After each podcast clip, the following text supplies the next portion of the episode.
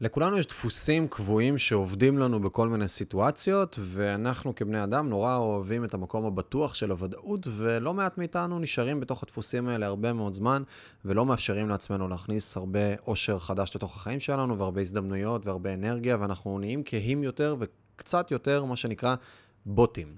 אה, וכדי לבוא ולהבין את זה טיפה יותר לעומק, אני רוצה רגע שנבין את, ה- את הקונספט טיפה יותר אה, ברמה ספציפית לדוגמאות, ונבין בעצם איך אנחנו יכולים להתחיל לשבור את זה. אם אנחנו ניקח עכשיו איזשהו תחום בתוך החיים שלנו, כל אחד בחיים שלו, למשל, אה, אם מישהו כאן אה, עובד באיזשהו משרד מסוים, ונגיד, לא משנה, בין אם אני עכשיו איש מכירות, או בין אם אני עכשיו איזשהו תפקיד אחר אה, אצלי בחברה שאני עושה, לא משנה מה, הרבה פעמים אני יכול להתקל במפגשים ראשונים, או אפילו אם אני ממלצר, בסדר? באיזשהו מקום. יש סיכוי טוב שכמעט תמיד, כשאני אגיד שלום לאורח שמתיישב אצלי בשולחן עכשיו, אני אשתמש בסט מילים ומשפטים שהוא די דומה. וכנראה גם שיהיה לי איזה שהן בדיחות די קבועות לאינטראקציה הזאת של אני כרגע נמצא עם, אה, אה, אני כרגע משרת איזשהו שולחן מסוים, נותן שירות לשולחן מסוים, אז כנראה יהיה לי איזה שהם גגים די קבועים. ואפשר לקחת את זה עכשיו ולהסתכל על זה בכל החיים שלנו, כן? יכול להיות שיש לי דייטים, בדייטים אני מדבר בצורה די, בדייט ראשון אני אדבר בצורה די דומה.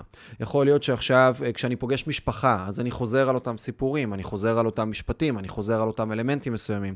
ואני נגיד, מסתכל על עצמי, יש לי מלא גגים שהם...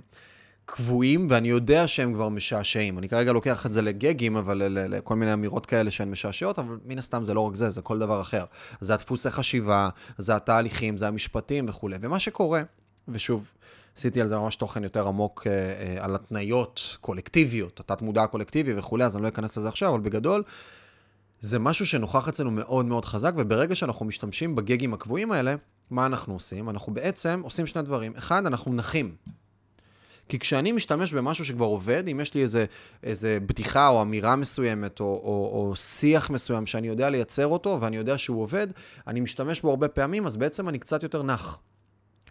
כי אני לא מוציא משהו חדש לעולם.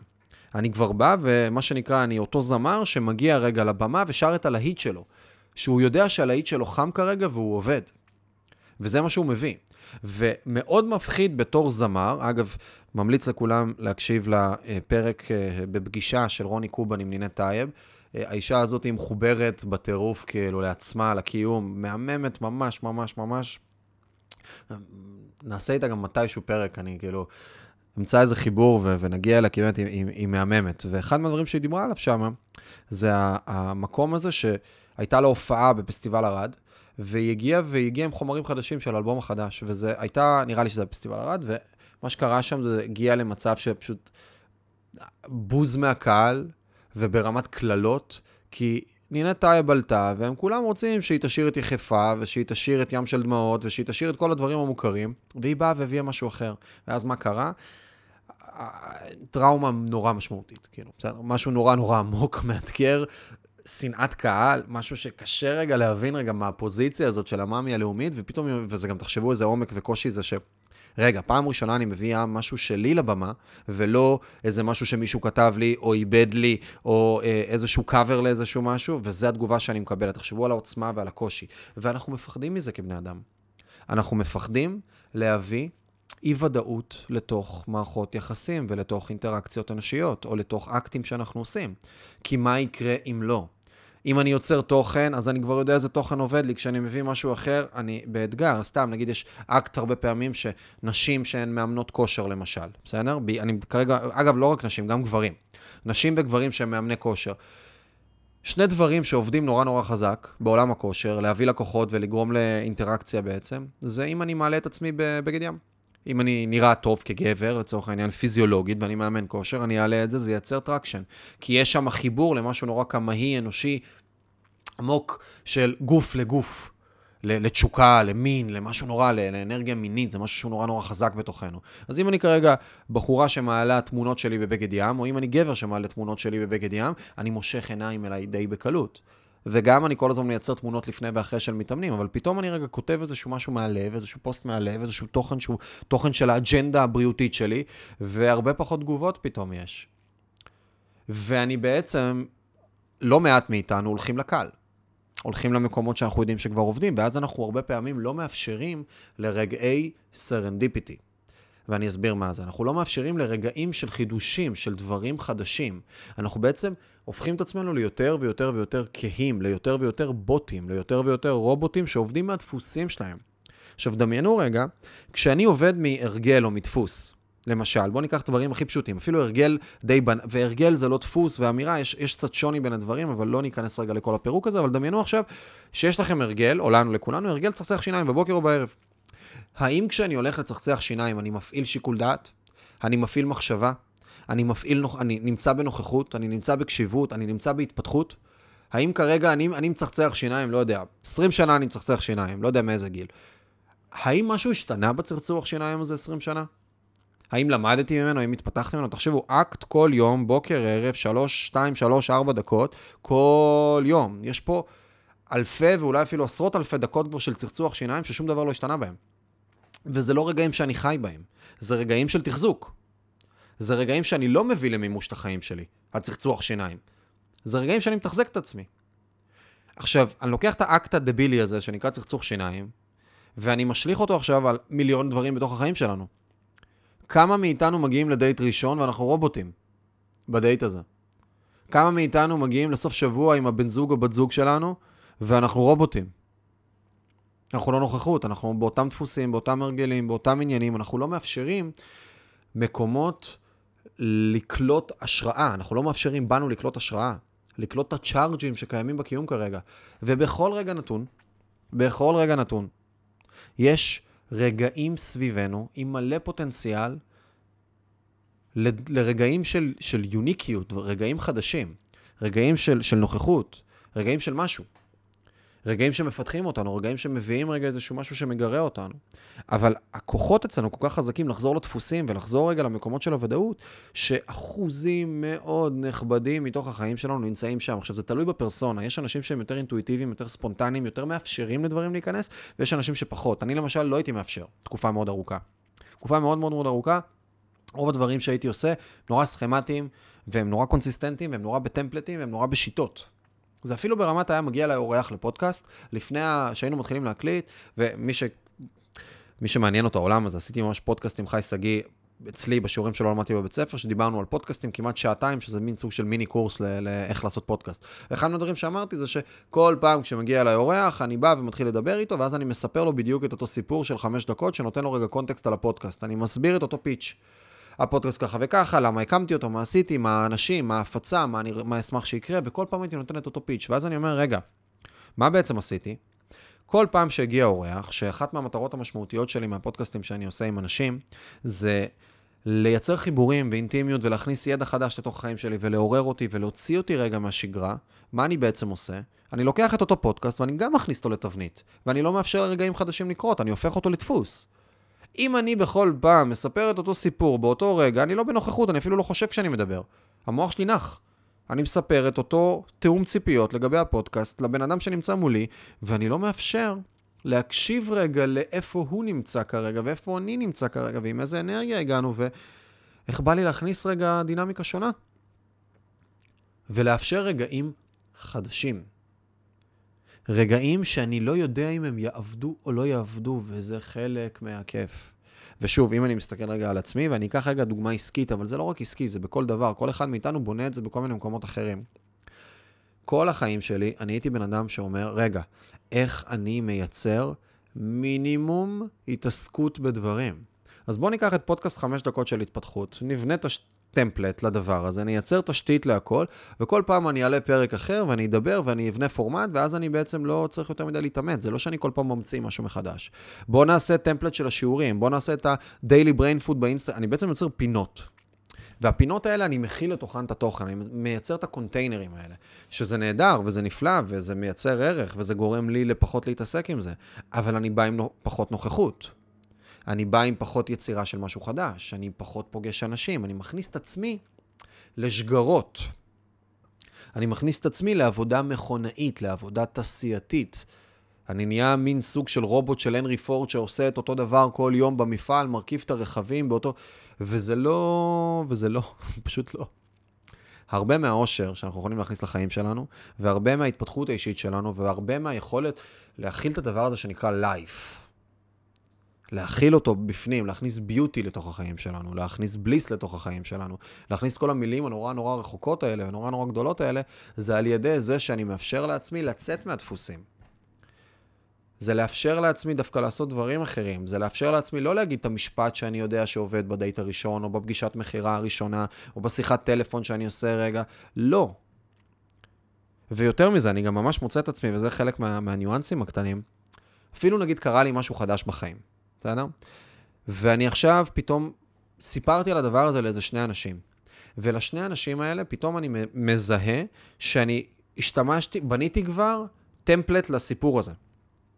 בניתי כבר מבניות לסיפור. אני כבר משתמש במילים ספציפיות כדי לספר את הסיפור.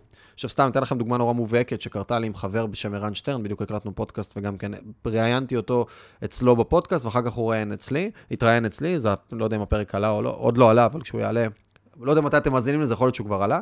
אז אחד מהדברים, הוא סיפר לי על איזושהי חוויה שהוא עבר, והאנלוגיה שהוא השתמש בה שם, זה שהוא הרגיש שהבטן שלו כאילו נכנסה, הנפש שלו נכנסה למכונת כביסה על אלף סלד. זה מה שהוא אמר.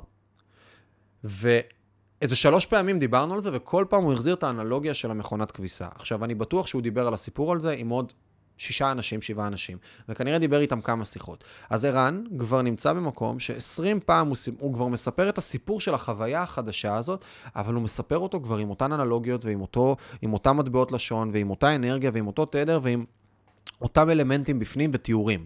ואז מה קורה? הוא כבר הפך את הסיפור הזה קצת לסיפור ארכיון. כל פעם שהוא מספר אותו, הוא כבר קצת פחות חווה אותו, כי כבר יש לו איזשהו טמפלט, איזושהי, איזושהי, אה, אה, איזשהו מבנה כבר שהוא כבר רץ עליו. והנה, איך לוקחים חוויית חיים שהוא חווה, שהיא מהממת ומאתגרת ויכולה לפתח אותו, וכדאי מאוד שהוא יקבל הרבה פרספקטיבות מדברים ושהוא יחווה את זה שוב, וכל פעם מסתכל על הסיפור הזה מפאה אחרת, והוא חסם את עצמו באותו רגע נתון, וכולנו עושים את זה, גם אני עושה את זה המון, הוא חסם את עצמו ב, ב, באמצעות תבנות של הסיפור הזה לנרטיב נורא ספציפי, למבנה נורא ספציפי. וזהו, עכשיו הוא מביא את אותו סיפור כל הזמן, ולעצמו הוא כבר קיבע את זה. ואז הוא פחות בנוכחות, פחות בקשיבות, פחות ביכולת להסתכל על, הד... על הסיפור הזה ברב-ממד, מפאות שונות, מהסתכלויות מזוויות אחרות. וחלק מהאתגור האנושי שלנו, וחלק מהיכולת שלנו להעלות את עצמנו לרמות הבאות שלנו, זה להיות מודע למתי אני מספר סיפור מהארכיון אצלי. למתי אני מספר סיפור כבר שקיבעתי אותו. ולצאת מזה, לשבור אותו. להיות עכשיו, להגיד, רגע, אני מספר את הסיפור עכשיו מהנקודת מבט שלי. אולי אני אספר את אותו סיפור עכשיו מהנקודת מבט של מי שהייתה איתי באותו רגע? ווואו, פתאום אני מכניס נופח אחר לגמרי, ואני פתאום חוזר חזרה לתוך הדבר הזה, ופתאום אני לא נמצא במקום של בוט, אלא פתאום נכנסים לי חלקים אחרים בתוך הנפש, בתוך הלב, בתוך המוח, לספר את אותו סיפור. ואני חווה אותו עוד פעם, אבל אחרת. ואני לומד דברים אחרים, ואני חווה דברים אחרים, וגם הבן אדם שמולי. כולנו מכירים את זה, כן? שאנחנו מספרים את הסיפור הידוע שאנחנו תמיד מספרים אותו על משהו, על משהו שקרה לי בצבא, על משהו שקרה לי בעבודה, על איזה סיפור עם איזה זה, ואנחנו מתחילים לספר עוד פעם את הסיפור הזה. אני מכיר את זה אצלי, מי שמכיר את התכנים שלי גם מכיר את סיפורי המרתון שלי, ומכיר את סיפורי אבא שלי, ומכיר את סיפורי הבית ספר שלי, ומכיר... כל פעם אני אספר אותו דבר, אז אני כבר, אני, אני, אני סתם זורק פרטי מידע, אני נהיה ערך של ויקיפדיה. ואני לא ערך של ויקיפדיה, אני, אני שק שנקרא בן אדם, ויש בתוכו נפש, ויש בתוכו מוח, ויש בתוכו התניות, ויש בתוכו המון המון דברים, ואני בכל רגע נתון אחר, אני אחר כרגע. הנה, היום באתי, אתמול עברתי משהו אינטנסיבי, ישנתי כמות שעות, הבוקר שלי נראה בצורה מסוימת, מעניינים אותי דברים מסוימים כרגע בחיים. אני כרגע מקליט עם הדברים האלה בתוכי. ואני רוצה להביא את הנוכחות הזאת. אני רוצה להביא את הנוכחות הזאת לכאן. ויותר מזה, דמיינו עכשיו, את, אתם מקשיבים לי. או אם אני נמצא עכשיו בשיחה עם מישהו, כשאני שולף סיפור ארכיון, גם הבן אדם שנמצא מולי מרגיש אותי קצת יותר מנותק. וגם הוא נכבה טיפה. אז אני גם שובר אינטימיות. כשאני עובד עם, ה, עם ה stories האלה, עם הטריקים האלה שלי כבר, שאני יודע שהם עובדים, אני מאפשר פחות לכניסה של אינטימיות עמוקה לתוך החיים שלי, ולחיבורים עמוקים עם נשמות אחרות, עם אנשים אחרים. ולכן, אחד מהדברים שאני מנסה ומקפיד לעשות, וזה זה נורא קשה, בסדר? זה גם כן, זה לא טריקים של 1, 2, 3, הנה התוכנית פעולה לאיך לעשות את זה. זה משהו שדורש התבוננות. המילה התבוננות היא נורא נורא חשובה. לצאת מתוך עצמי ולהבין רגע שבתוך הראש שלי, בתוך הנפש שלי, בתוך הדבר הזה שנקרא אני, יש הרבה חלקים. יש את המוח החושב שמריץ עכשיו כל הזמן מחשבות, ויש את הפרסונה, שזה הזהות שלי של מי אני בעולם, שמדברת כל הזמן ומנסה לתחזק את עצמה. ויש אלמנטים של הגוף המרגיש. בכל רגע נתון, דמיינו את עצמכם, אתם יושבים עכשיו, אני לא יודע אם אתם בנהיגה, אם אתם עושים כלים, אם אתם יושבים ומקשיבים וצופים בי ביוטיוב, לא יודע איפה אתם כרגע. אבל אם אתם עכשיו רוצים, אתם יכולים לעצור אותי, לעצום עיניים, ולשאול את עצמכם מה אני מרגיש כרגע. פיזית, בגוף. ופתאום אתם בחוויית אני אחרת לחלוטין, בשנייה. אפשר להגיד לעצמי עכשיו, רגע, בוא נצא בזום אאוט ונתבונן על המחשבות שלי, בום, אני בחוויית אני אחרת לחלוטין. אני יכול לקחת ולשחק, וזה שרירים, השרירי התבוננות האלה, היכולת להסתכל מסביב על הפאות השונות שמזיזות אותי. ואחד מהדברים שאני מנסה כרגע לעשות יותר ויותר ולהכניס לחיים שלי יותר ויותר, זה לשבור את הדפוסים ואת הבוטים ואת ה, את הארכיון ואת הסיפורים הרגילים ואת הדרכים שבהם אני מציג דברים. ואם אני עכשיו מציג משהו בצורה מסוימת, ואני מציג אותו עוד פעם, אני אנסה להציג אותו אחרת כדי לחוות אחרת. כדי להתכנס אחרת, כדי להרגיש אחרת, כדי לנשום אחרת. ואז אני מאפשר לעצמי ארגזים, אבל ארגזים, קונטיינרים, אין, אין סוף של התפתחות גם בתוך הקיים שלי. כי הרבה פעמים אנשים מחפש, מחפשים להתפתח בחוץ. הרבה מכירים את המודל הזה של היידיגר, של אה, אזור A זה מה שאני יודע שאני יודע, אזור B זה מה שאני יודע שאני לא יודע, אזור C זה מה שאני לא יודע שאני לא יודע. וכולם מדברים על האזור הזה של לא יודע מה שאני לא יודע, צריך להביא ידע מבחוץ, צריך לפגוש ספרים, אנשים, מנטורים, קורסים. וואו, כמה יש בתוכנו. רק לקחת ולספר סיפור אחרת, שכבר סיפרתי אותו 200 פעם, ופתאום אני נזכר באיזה זווית אחרת, ופתאום אני מגלה במראה מסוימת על עצמי, ופתאום וואו. וגם, אני מדבר אחרת למול בן אדם, ופתאום עצם זה שאני דיברתי אחרת, זה אפשר לא להוציא משהו אחר. אז הוא הוציא משהו אחר, וזה גם מראה לי, ואיזה התפתחות יש כאן. איזו צמיחה אקספוננציאלי. מטריף.